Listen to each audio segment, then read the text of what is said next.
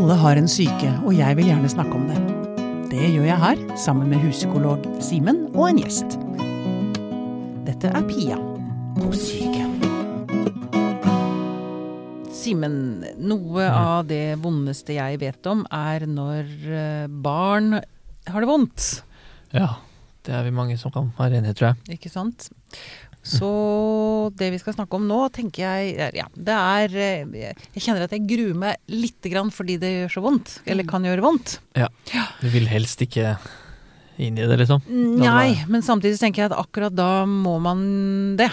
Akkurat gjøre, gjøre akkurat det. Trosse den berøringsangsten og sette ord på Ikke ting som kanskje mange har måttet høre. Ikke sant? Mm. Vi skal snakke om Statens barnehus, og vi har fått besøk av Tone Beate Solberg. Velkommen hit. Takk. Du er seniorrådgiver og klinisk sosionom, og jobber altså i barnehuset, kan vi kalle det nå. Heretter. Det finnes elleve sånne hus rundt om i landet, har jeg fått med meg, og dette er i regi av politiet. Det er Ja. politiet, en underavdeling til politiet, rett og slett. Ja, det stemmer. Vi er jo ansatt i politiet. Ja. Og det er jo organisert under politimesteren i Oslo, barnehuset i Oslo. Ja, nettopp. Mm. Hva er det et barnehus gjør? Hva, hva er deres funksjon i samfunnet? Ja, da kan jeg starte litt med grunnen for at barnehusene ble opprettet. Det var jo at barn og ungdom skulle slippe å komme til politiet på politistasjonen når de skulle avhøres i saker hvor de hadde vært utsatt for eller vitne til eh, vold eller overgrep. Ja. Eh, For barnehusene er jo innrettet på en helt annen måte enn eh, enn politistasjonen. Så det er jo tilrettelagt for barn. Ja. Fordi rett og slett barn er mer sårbare i den situasjonen. De trenger mer vern, er det det? Er det? Ja, de trenger mer vern og trenger mer tilrettelegging. Mm. Altså Det som skjer på barnehuset er at det er jo politiet som avhører barna. Eh, og det er jo spesialutdannede avhørere som er spesialutdannet for å snakke med barn og ungdom. Mm. Eh, og som da kommer Altså, de stiller jo uten uniform. Eh, det er egne avhørsrom som eh, De er jo veldig enkle, men allikevel så er de jo eh, hyggeligere enn Myk, på mykere. mykere enn på Mm. politistasjonen. Mm. Eh, og så er det sånn at eh, hvert barn som kommer til barnehuset, de får et eget eh, venterom. Mm. Som er innredet for barn. Med leker og aktiviteter de kan holde på med i pausene. Mm.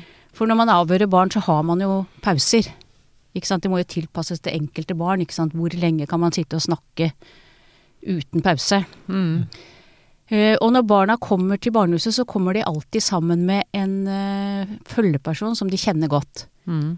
Eh, som regel så er det da en ansatt i barnehagen eller på skolen, Mm. og som er sitter på det venterommet hele tiden og tar imot barn i pausene og Mm. ja.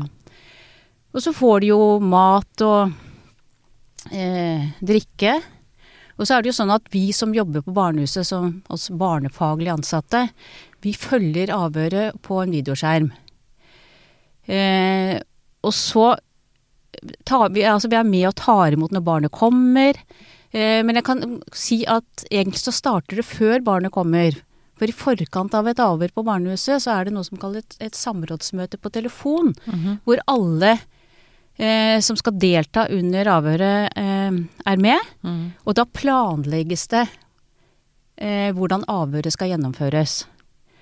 Ikke sant? Da er det hvem er det som skal følge barnet? Er det en person som, er, eh, som barnet er trygg på?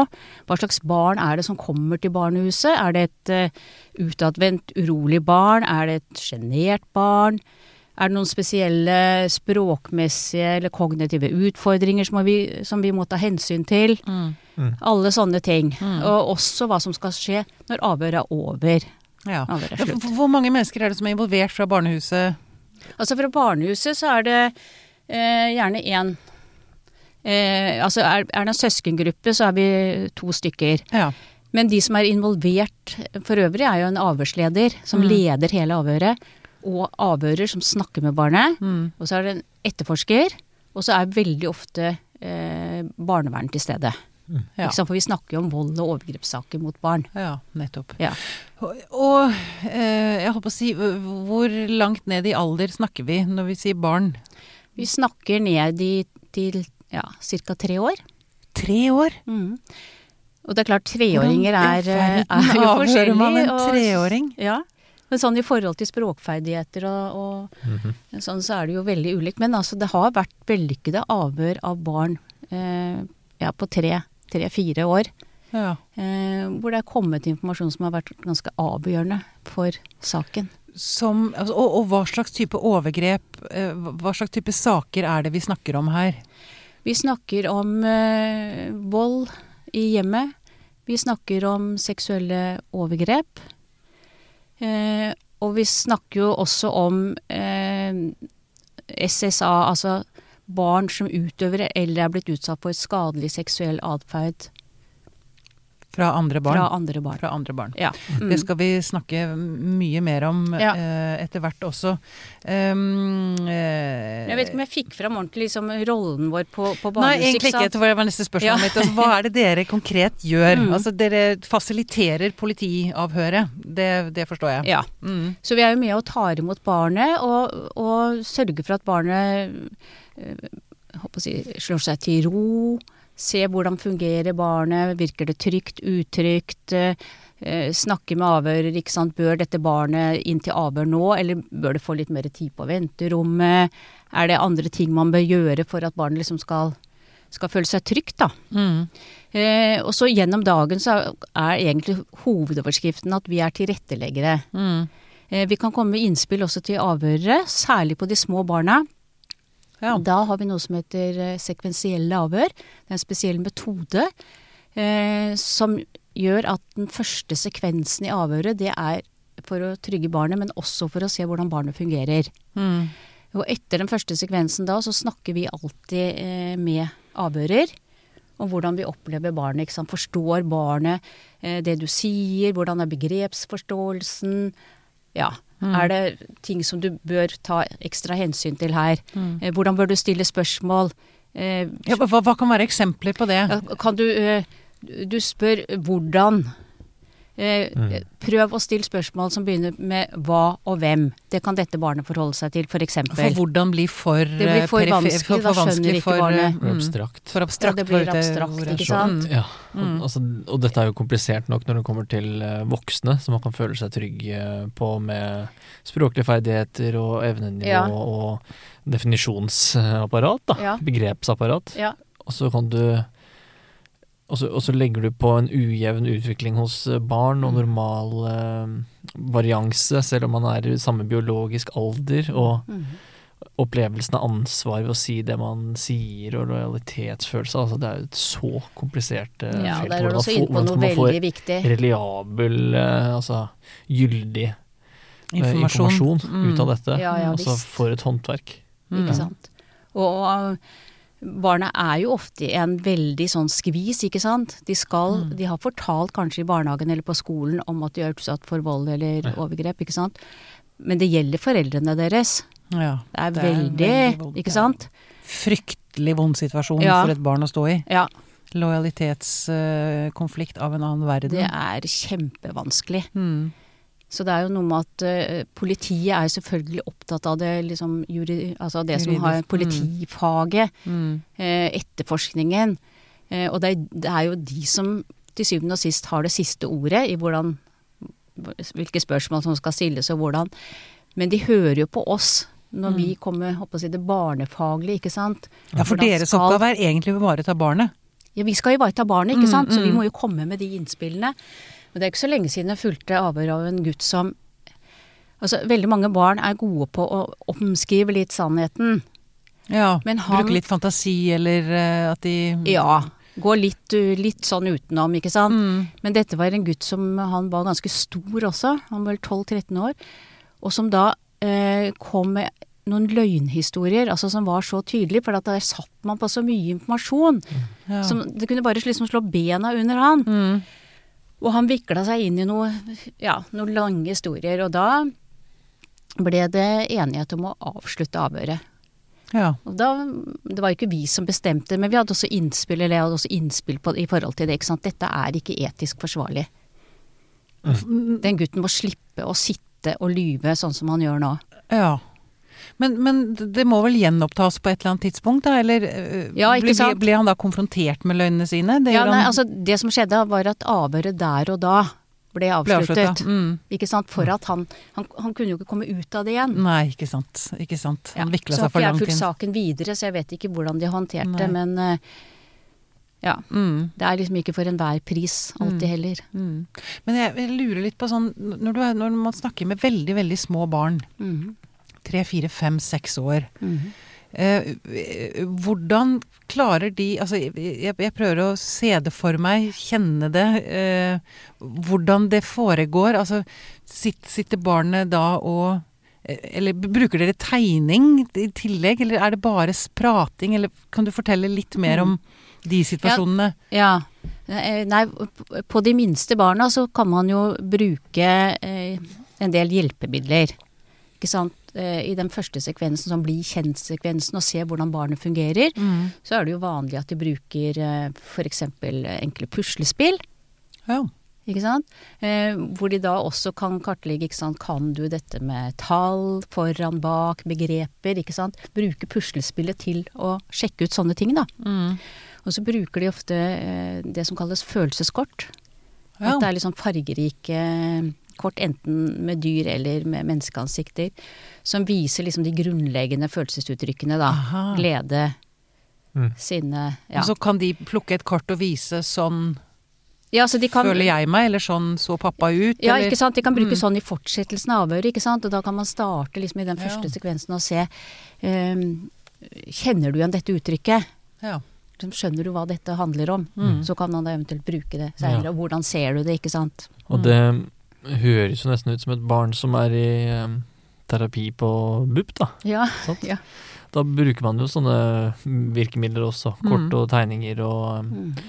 eh, sandkasser eller leketøy eller eh, hva som helst for Mm. å få en allianse og for å kunne snakke om ting på barnets premisser. Men da er jo hensikten terapeutiske utfall, da. da Mm. og, og her er det noe helt annet. Det er å få fram en, eh, en sannhet. Ja, øh, men altså, du kan si den første sekvensen er på en måte for å se hvor barnet ligger, ikke sant. Hvor mye forstår barnet, hvor, hvordan skal vi legge opp dette avhøret. Mm. Um, og så kan man jo bruke da selvfølgelig de følelseskortene, eller det blir jo brukt da senere. Hvordan hadde du det da, Mm. når Mm. eh, du hørte at eh, pappa slo mamma, eller at eh, ja. Så går det an å bruke de. Men ja, unnskyld. Ja, så brukes jo tegne ikke sant, også i avhør. ikke sant? Du kan jo tegne sammen, kanskje, eh, huset de bor i, Mm. for å få liksom klarhet i hvor skjedde det. Mm. Tegne de som bor der. Mm. Um, og så er det barn som bare trenger å holde noe i hånda si. Ja, ikke sant. Ikke sant? En sånn uh, leirklump leireklump eller en uh, sånn ball eller Ja. Mm. Men for det høres ut som dere også Det er jo en viss form for terapi her også. Jeg, jeg, altså, barnet er jo her i en ekstremt sårbar situasjon, og det kan Man kan jo gjøre ganske stor skade hvis man ikke gjør dette på riktig måte. Tenker jeg. Ja, det er jeg helt enig med deg i. Sånn at det er, er- det er veldig, veldig bra at det nå er liksom jobbet veldig fram en god metode for å snakke med barn. Mm. Og en egen metode for å snakke med de aller minste barna. Mm. Det er jo det som er ja. Jeg regner med at det har skjedd en del overgrep i, i sånne settinger også. Eller jeg vet ikke om Men sånn i en avhørssetting. I en, ja, i en, Mm. eller at, at barn som har vært utsatt for sånne ting, nesten blir retraumatisert av det, andre det, er det, det er det et potensial for. Ikke sant? Og det er jo en, eh, en risiko som jeg regner med er en helt sånn grunnleggende del av hverdagen deres. da. Hvordan skal man, av, eh, hvordan skal man avveie faren for retraumatisering, som det heter? At man gjør noe som var jævlig i utgangspunktet til noe enda verre, ved å liksom rippe det opp igjen. Mm. Mm. Og hva skal til for å eh, Fordi man det er vel en kjensgjerning at man må Det er jo ubehagelig å gå inn i det igjen, men det er en avregning på at det er verdt det for å få frem eh, For å få frem en sannhet, For- eller for ja, å komme til bunns. Og pluss at det kan vel kanskje også være en lettelse. Hvis det blir gjort på riktig måte. For barnet å få lov til å dele hemmeligheten Mm. med noen andre som overtar ansvaret, liksom. Eller? Ja, altså jeg tenker at uh, sikkerheten ligger jo uh, i det at man har utarbeidet gode metoder.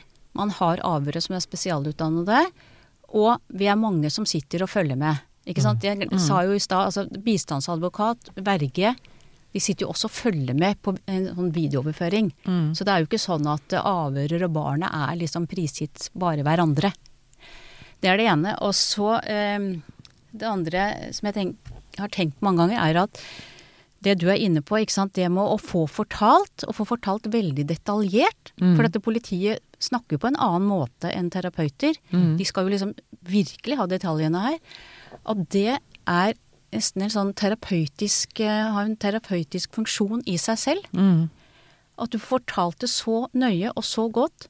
Eh, og det ser du at det er en lettelse for mange barn. Ja. Det er en grundig, grundig bearbeiding.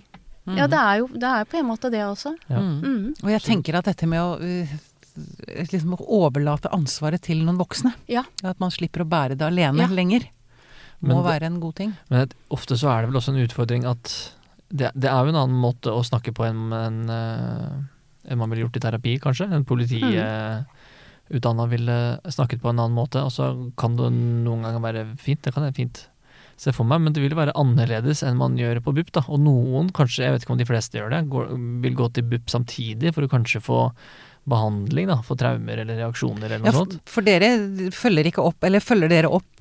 Jo, Ja. vi, vi følger opp. Nå avbrøt jeg kanskje Simens svar på hans spørsmål først, unnskyld.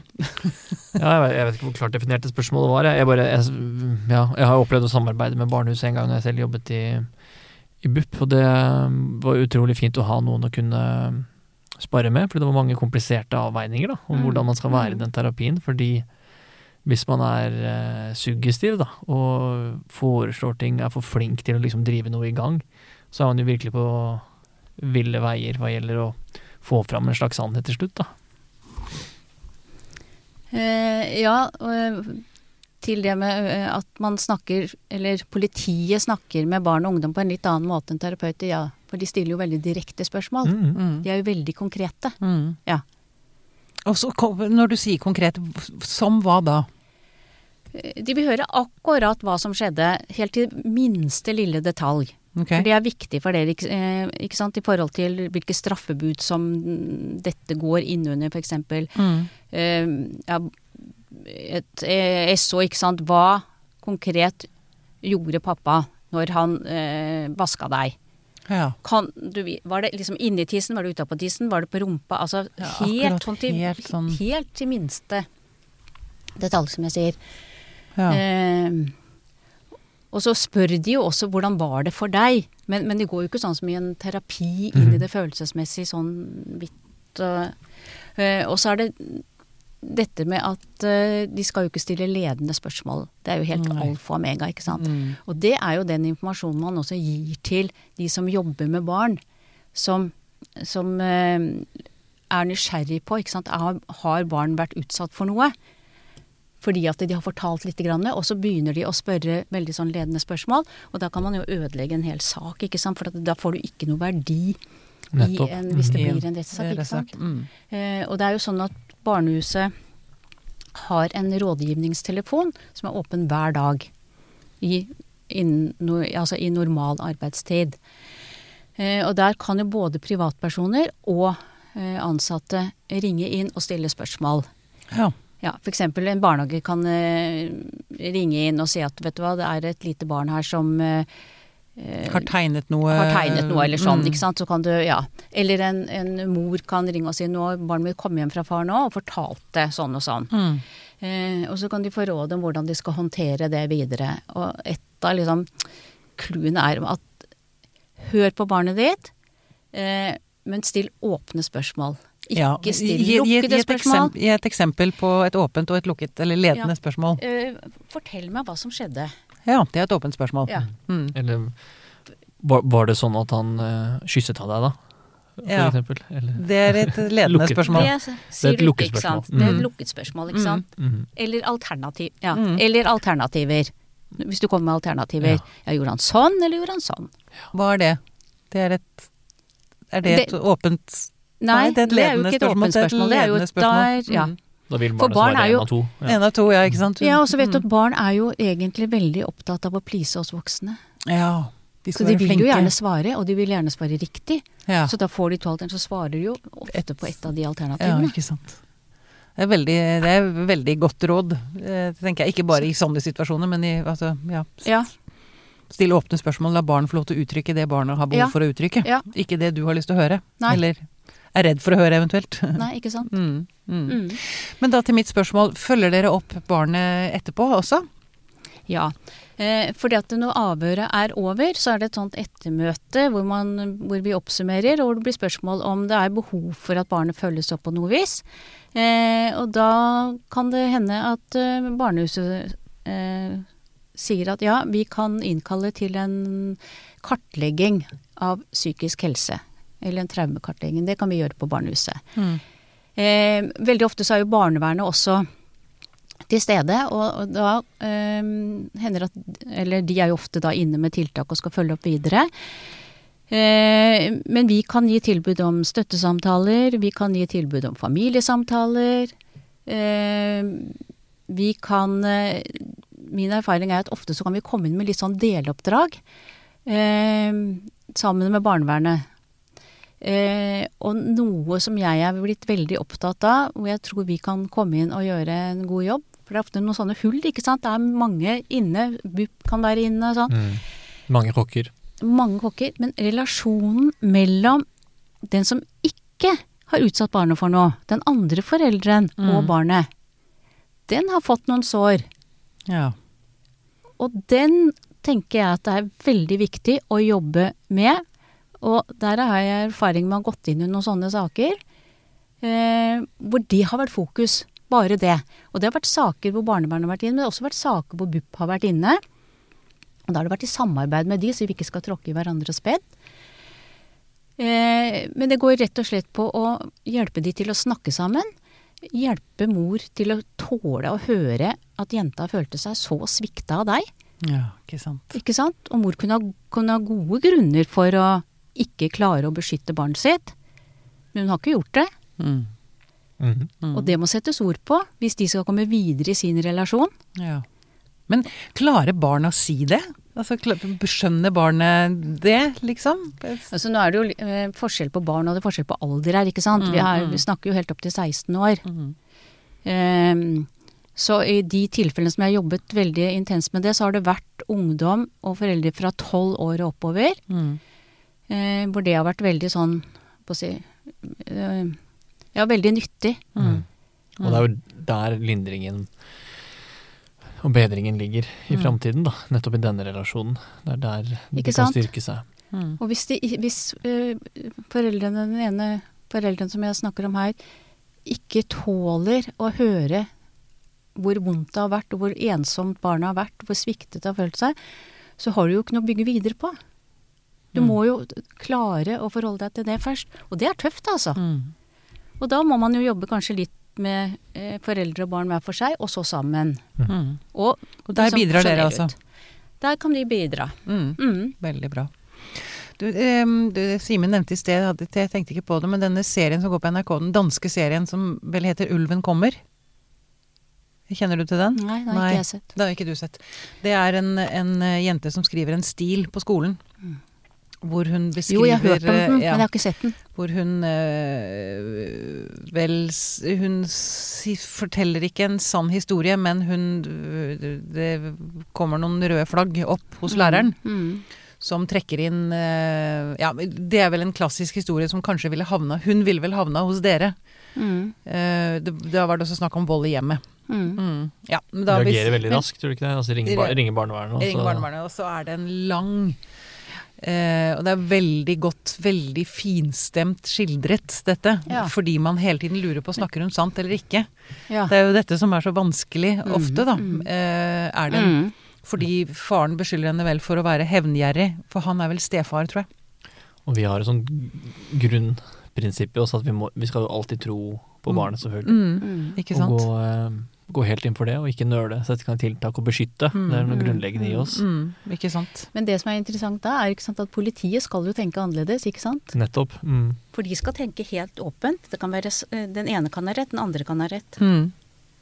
De skal jo ikke gå inn og så tenke at eh, barnet har rett uansett. Ikke? Mm. Uansett, nei. Mm. Jeg glemmer det. Men eh, jeg tenker bare For å si litt mer liksom, om hvordan vi kan følge opp, og som, i tråd med det som du snakker om den, eh, den danske serien også. fordi Mm. vi har jo den rådgivningstelefonen hvor det går an å ringe. Og så har vi også et konsultasjonsteam. Ja. Det er det bare eh, fagfolk som kan benytte seg av. Altså de som jobber med barn og ungdom. Altså barnehageansatte også? Barnehageansatte, eller? Ja, mm. skoleansatte, Mm. barnevern, BUP. eh, ja. Mm. Eh, og der kan man melde inn en sak hvor man står litt sånn fast og lurer på hva skal vi gjøre videre her, ikke sant. Som kan ende med en anmeldelse, men det er ikke sikkert han gjør det. Ikke sant? Mm. Det var derfor jeg kom på det nå. Mm. Eh, og det er et team som er veldig bredt eh, eh, sammensatt. Der sitter representanter for politiet og eh, påtale, altså jurist. Barnevernet sitter der, også med egen jurist. BUP sitter der. PPT. Familievern. Skolehelsetjeneste. Eh, barnehuset, selvfølgelig. Mm. Yes. Ja. Litt av et Eh, panel, dette da. Hmm? Svært panel, det er et svært panel. Ja. Eh, og de som, har, som melder inn flest saker der, det er barnehager, det er skoler, det er barnevern. Men også andre aktører, altså sånn som jeg sier BUP f.eks. kan melde inn saker. Mm.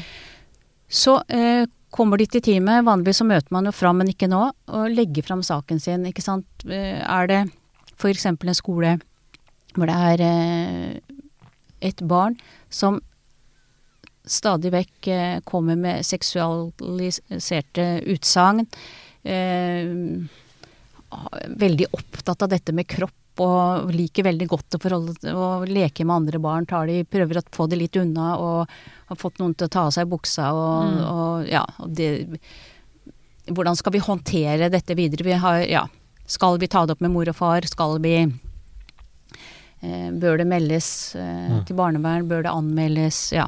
Mm. For en viktig ressurs å vite om, da. At det går an å få et møte med sånn tverrfaglig Ja, det er eh, ekspertkompetanse. Altså, dette må folk vite om. Ja, dette må folk vite om, for vi får veldig gode tilbakemeldinger på det, på det teamet. At Mm. det er veldig nyttig. Fordi at eh, ofte så er det sånne saker som har liksom gått en stund, og så sitter man litt fast, og så vet man ikke hvilken retning man skal ta. Mm. Og så er det så mange faktorer inne. Så eh, det rådsøkere sier er at de, liksom, de får rydda litt, og så får de ofte bekreftelse på bekymringen sin, og det også er godt. Mm. Og så, ja. Ja.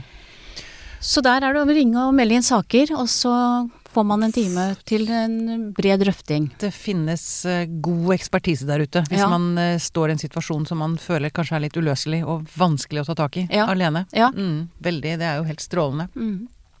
Og du brakte på bane da det som eh, egentlig er liksom del, si, del to av denne episoden, nemlig For én ting er barn som blir utsatt for overgrep eller Mm. vold, men så har, de også, har vi også denne gruppen som er fryktelig, syns jeg, veldig, veldig vanskelig å snakke om. ehm, nemlig barn som krenker andre barn seksuelt. Mm. Mm.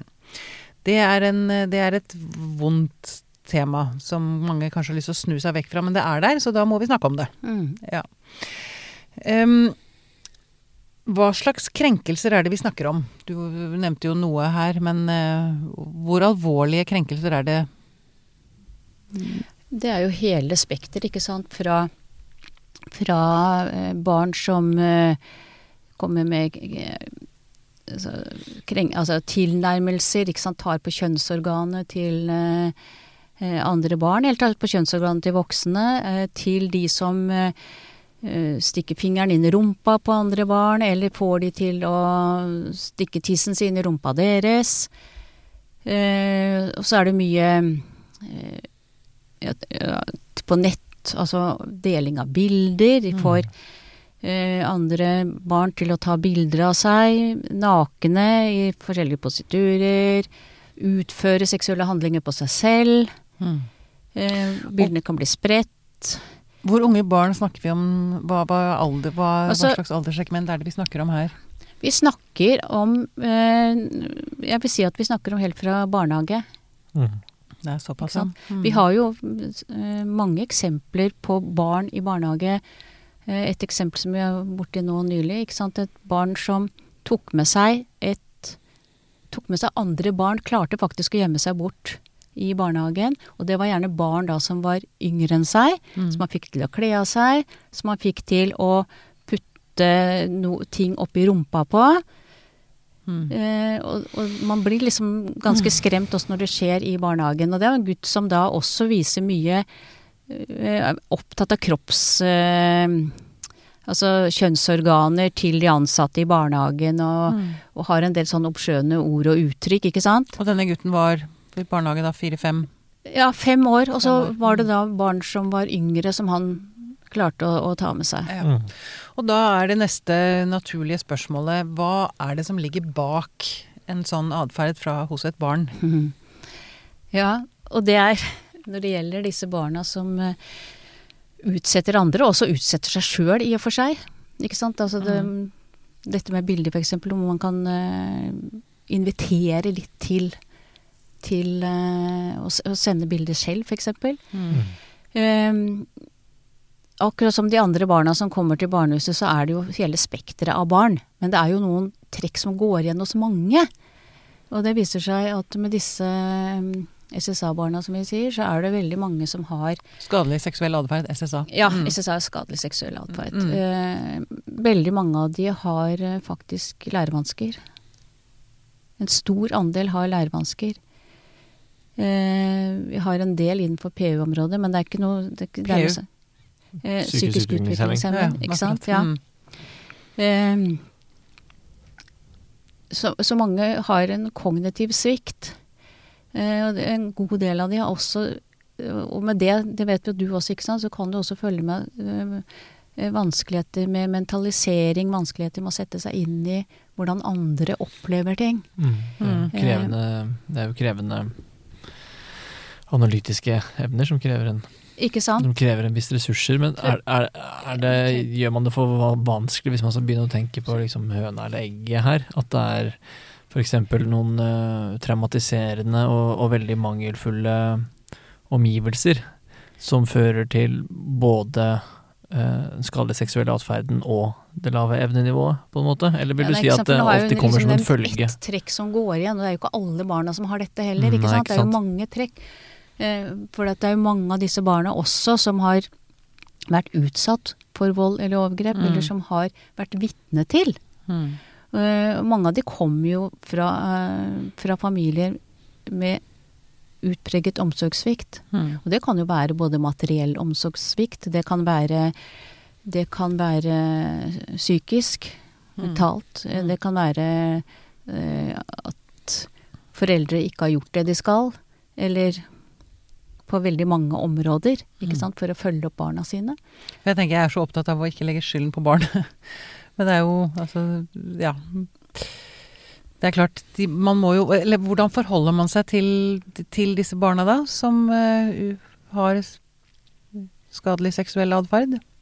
Det Kan, kan man hjelpe dem? Ja, ikke sant. Jeg tenker det er viktig å tenke på de, har jo, de utsetter jo andre, ikke sant. Så sånn at Det det er er jo, men de er jo også utsatt selv. Ja. Eh, og noe som jeg tenker er utrolig viktig, det er jo at eh, det må stoppes. Ja. Og det må settes inn, eh, inn sikkerhetsrutiner som gjør at de blir stoppet. Selvfølgelig for de andre som de utsetter sin skyld, men også for deres skyld. For dette er veldig destruktivt, det er veldig ødeleggende for dem. Mm. Og det er fare for eskalering. Altså, Fare for eskalering, Du må ja. intervenere tidlig. Mm. Ja, Det krever jo jeg, jeg tror en veldig viktig ting er berøringsangst for de som ser ting, kanskje mer subtile ting da, enn de mest Mm. graverende eksemplene, mm. men som man kjenner det Man får en ekkel følelse i magen av å Mm. observere det. Mm. Men det å være i den tvilen, men å klare å agere, det tror jeg er ufattelig vanskelig. Det er vanskelig, og det er da jeg tenker, ikke sant, for eksempel, eh, ring rådgivningstelefonen på Ja. barnehuset. For å snakke med noen der, ja. Hvis du bare liksom har en liten mistanke, og så er det sånn, man skal jo ikke handle på en, en sånn magefølelse, en liten mistanke. Er Men du man er skal- jeg pervers selv? Hvorfor tenker jeg i de baner, liksom? Er ikke Ja. dette, det, han er Mm. bare et barn. Eller Men man skal er ikke legge barn. det bort. Men så tenker jeg også, det er kanskje ikke så lett heller, fordi barn driver jo altså Det er jo viktig også for eh, barn å utforske. ikke sant? Det er jo en del av barndommen, det. Å utforske sin egen kropp og andres altså, ikke sant? Seksualitet våkner, ikke sant. Plutselig det er noe nytt, det er spennende. Og både som forelder og, og ansatt i barnehage eller på skole, da. Eh, når er det det er liksom farlig? Eh, Da jeg tenker det er lurt å så ringe og drøfte med noen, og så har det, Mm. jeg vet ikke om du har hørt om trafikklyset? Nei. Nei, det er noe veldig fint. Det er det Janus-senteret i Danmark som jobber veldig mye med disse eh, barna og ungdommene. Mm. Som har utarbeidet et sånn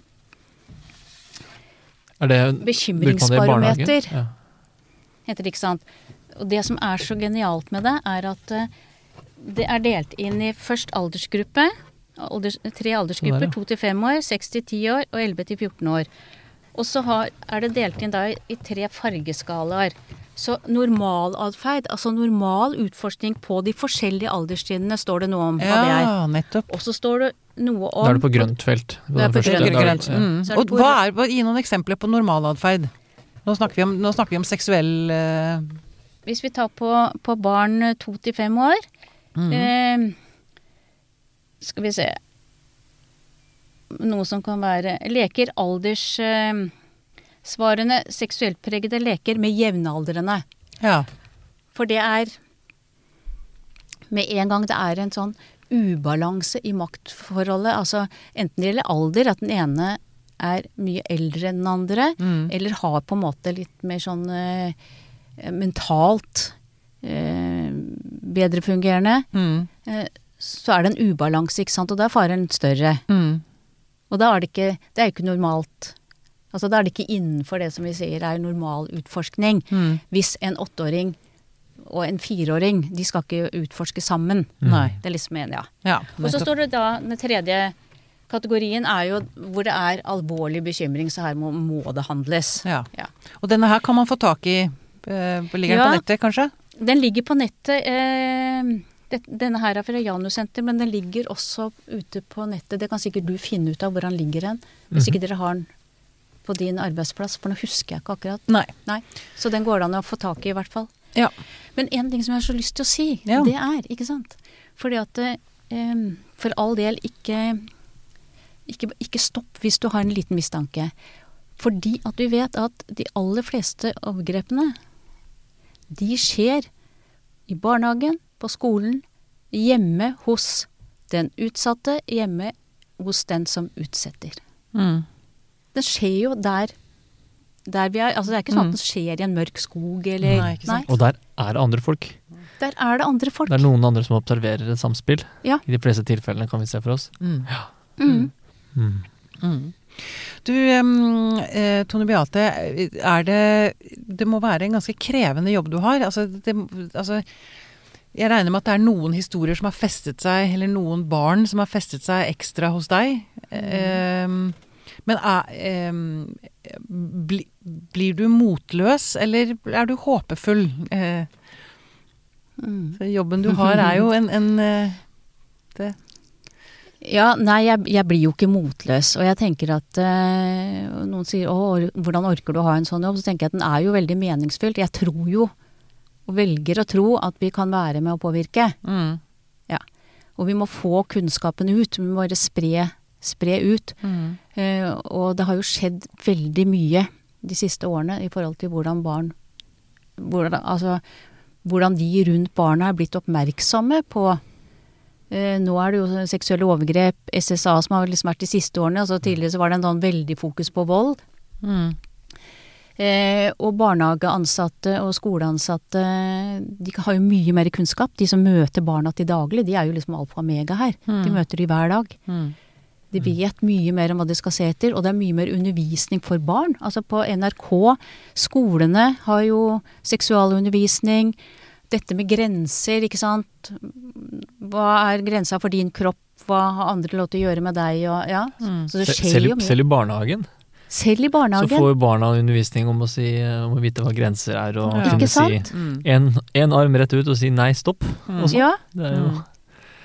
det er jo eh, Jeg merker at jeg får litt sånn blanda reaksjon på det. At det er eh, jo veldig fint at man tør å eh, trosse den berøringsangsten og gå inn i det. Men det at det skal være nødvendig, er jo også litt trist, da. Mm, ja. Og man kan jo få inntrykk av de siste åra har det vært mye mer fokus på dette med skadelig seksuell atferd, opplever jeg òg. Mm. Og nå har ikke jeg noe, eh, noe konkrete kilder å referere til, men jeg har også inntrykk av at det snakkes om at det er en, en veldig økning i dette. Mm.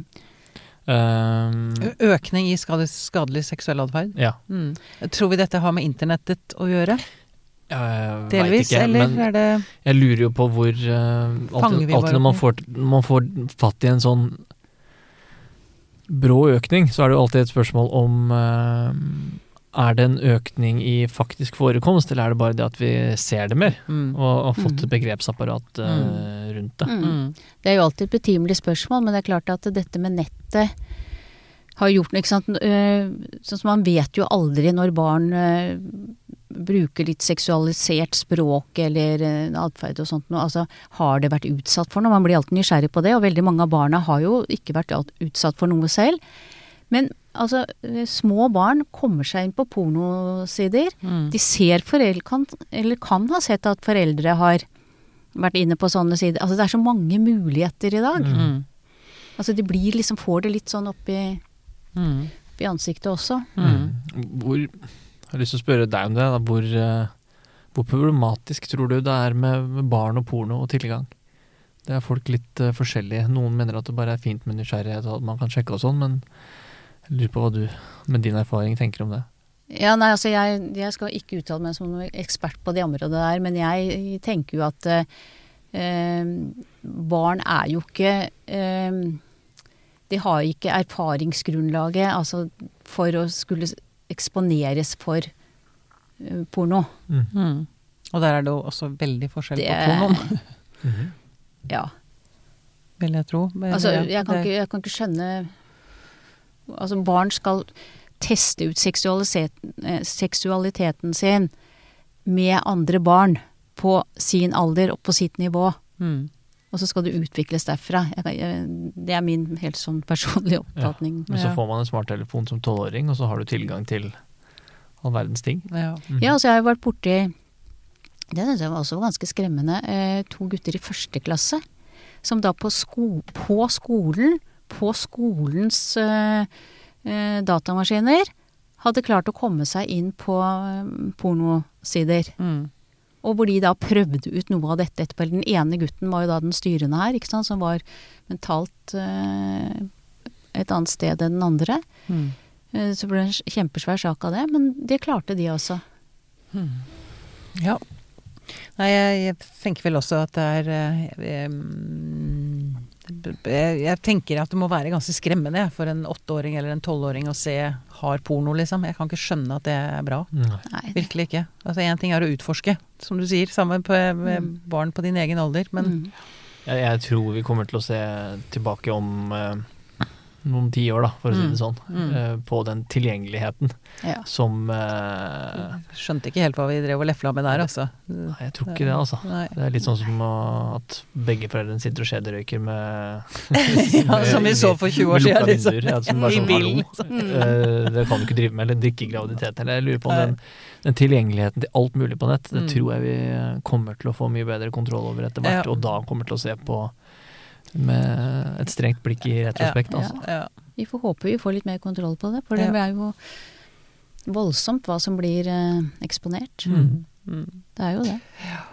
Men det er jo veldig bra at vi har Statens barnehus, og jeg har bare lyst til å gjenta det at om du er forelder eller eh, jobber i skole eller barnehage eller hvor som helst, eh, ta kontakt hvis du lurer. Mm. Snakk med noen som har greie på dette. For det har dere. Ja. ja. Er det noe du har lyst til å føye til nå mot slutten, Um, som vi ikke har vært innom, eller som du har lyst til å understreke? Jeg, jeg, jeg, vi var litt inne på det hva barnehuset kan tilby i, i Mm. begynnelsen der, eh, og hvordan vi jobber. Og da har jeg bare lyst til, hvis jeg kan bare bruke et par ord på det som skjer etter at barna har vært i avhør. Mm. Um, som en, der har vi utarbeidet en metode som kalles familiemøte, som jeg har veldig tro på. Fordi at det, det er sånn at i saker hvor barn har vært, har vært utsatt for vold hjemme, Mm. Så skal de aller fleste barn hjem igjen til de foreldrene som har utøvd den volden. mm. Det er ikke grunnlag for en omsorgsplassering. Og hvordan gjør vi dette på en god måte da? Så da har vi utarbeidet den metoden som eh, heter familiemøte, hvor foreldrene, som da gjerne har vært i avhør selv samme dagen, inviteres ned til barnehuset. Så får de informasjon fra etterforsker om, hvor, om saken, politisaken, Mm. og hvorfor politiet jobber som de gjør, at de tar faktisk barnet inn til avhør uten at foreldre vet, og sånn. Og så får de informasjon fra oss om hvordan barnet er ivaretatt gjennom dagen. Eh, og så får de et møte med barnevernet. Før de går ned og møter barna sine. Og så kan man følge med på hvordan den gjenforeningen også blir. Ja. Og da har vi også, eh, er det også sånn at før foreldrene kommer, så snakker barnevernet, og gjerne barnehuset, med barnet. Hvordan blir det for deg å komme hjem nå i dag? Hvordan tror du det blir Mm. når de har fortalt sånn og sånn? Um, og noen barn trenger at det utarbeides en sånn sikkerhetsplan, ikke sant. Hvis det begynner å skje noe, hva skal, hva skal jeg Hva gjøre? skal jeg gjøre? Mm. Og så blir også noe av det samme gjentatt eh, når foreldrene og barn møtes igjen. ikke sant? At nå har vi sagt sånn og sånn til mamma og pappa. Vi har anbefalt at, dere ikke, at de ikke skal drive med masse utspørring når dere kommer hjem i dag. Mm. Dere barna kan si det dere vil til foreldrene, selvfølgelig. Men mamma og pappa skal ikke drive med det. Eh, og at dere nå må hjem og slappe av. Alle er slitne og sånne ting. Ja. Mm. Sånn at det blir en sånn eh, En helhet rundt hele avhørsdagen, og at vi også får litt sånn kontroll på Foreldre har faktisk vært med og sendt hjem en far som ikke var heller i stand til å ivareta barnet sitt. For vi får jo også se hvordan foreldrenes psykiske tilstand er, og hvor opprørte de er. Og, Mm. ja. Ja, men også sende hjem en far som ikke var i stand til å ivareta barnet. Det ble veldig hengende i lufta. ja. Sånn at vi måtte få en annen ned, ikke sant. Det at Ja. de kommer til barnehuset, så kan vi se hvordan, hvordan foreldrene eh, har det. Mm. Eh, og så kan man gjøre en, en, en vurdering. Det er bestemt at de skal komme og ha med barnet hjem, men den vurderingen kan faktisk gjøres om. Mm. Mm. Veldig bra. Det høres ut som altså Barn blir bedre og bedre ivaretatt, og jeg tenker eh, Det er noe med å være den derre nysgjerrige nabokjerringa. Altså, det er Ja. bra at vi bryr oss om hverandre. Mhm. Og det at noen har klart å gjøre en så eh, Jeg kan ikke tenke meg en mer sårbar situasjon. Å skulle Mm. spørre ut et barn som har blitt eh, utsatt for noe, er et Mm. eh, offer. Mm. Men å jo faktisk skulle spørres ut for å få dette på det tørre, og gjøre det til et Det Mm. fagfelt og et håndverk. Mm. Og Mm. noe så helhetlig. Altså det er veldig bra. så viktig. Veldig bra. Ja. Det er veldig, jeg er veldig glad for at vi har Statens barnehus. Jeg òg. Tone Beate Solberg, tusen takk for at du kom til oss. Takk for meg.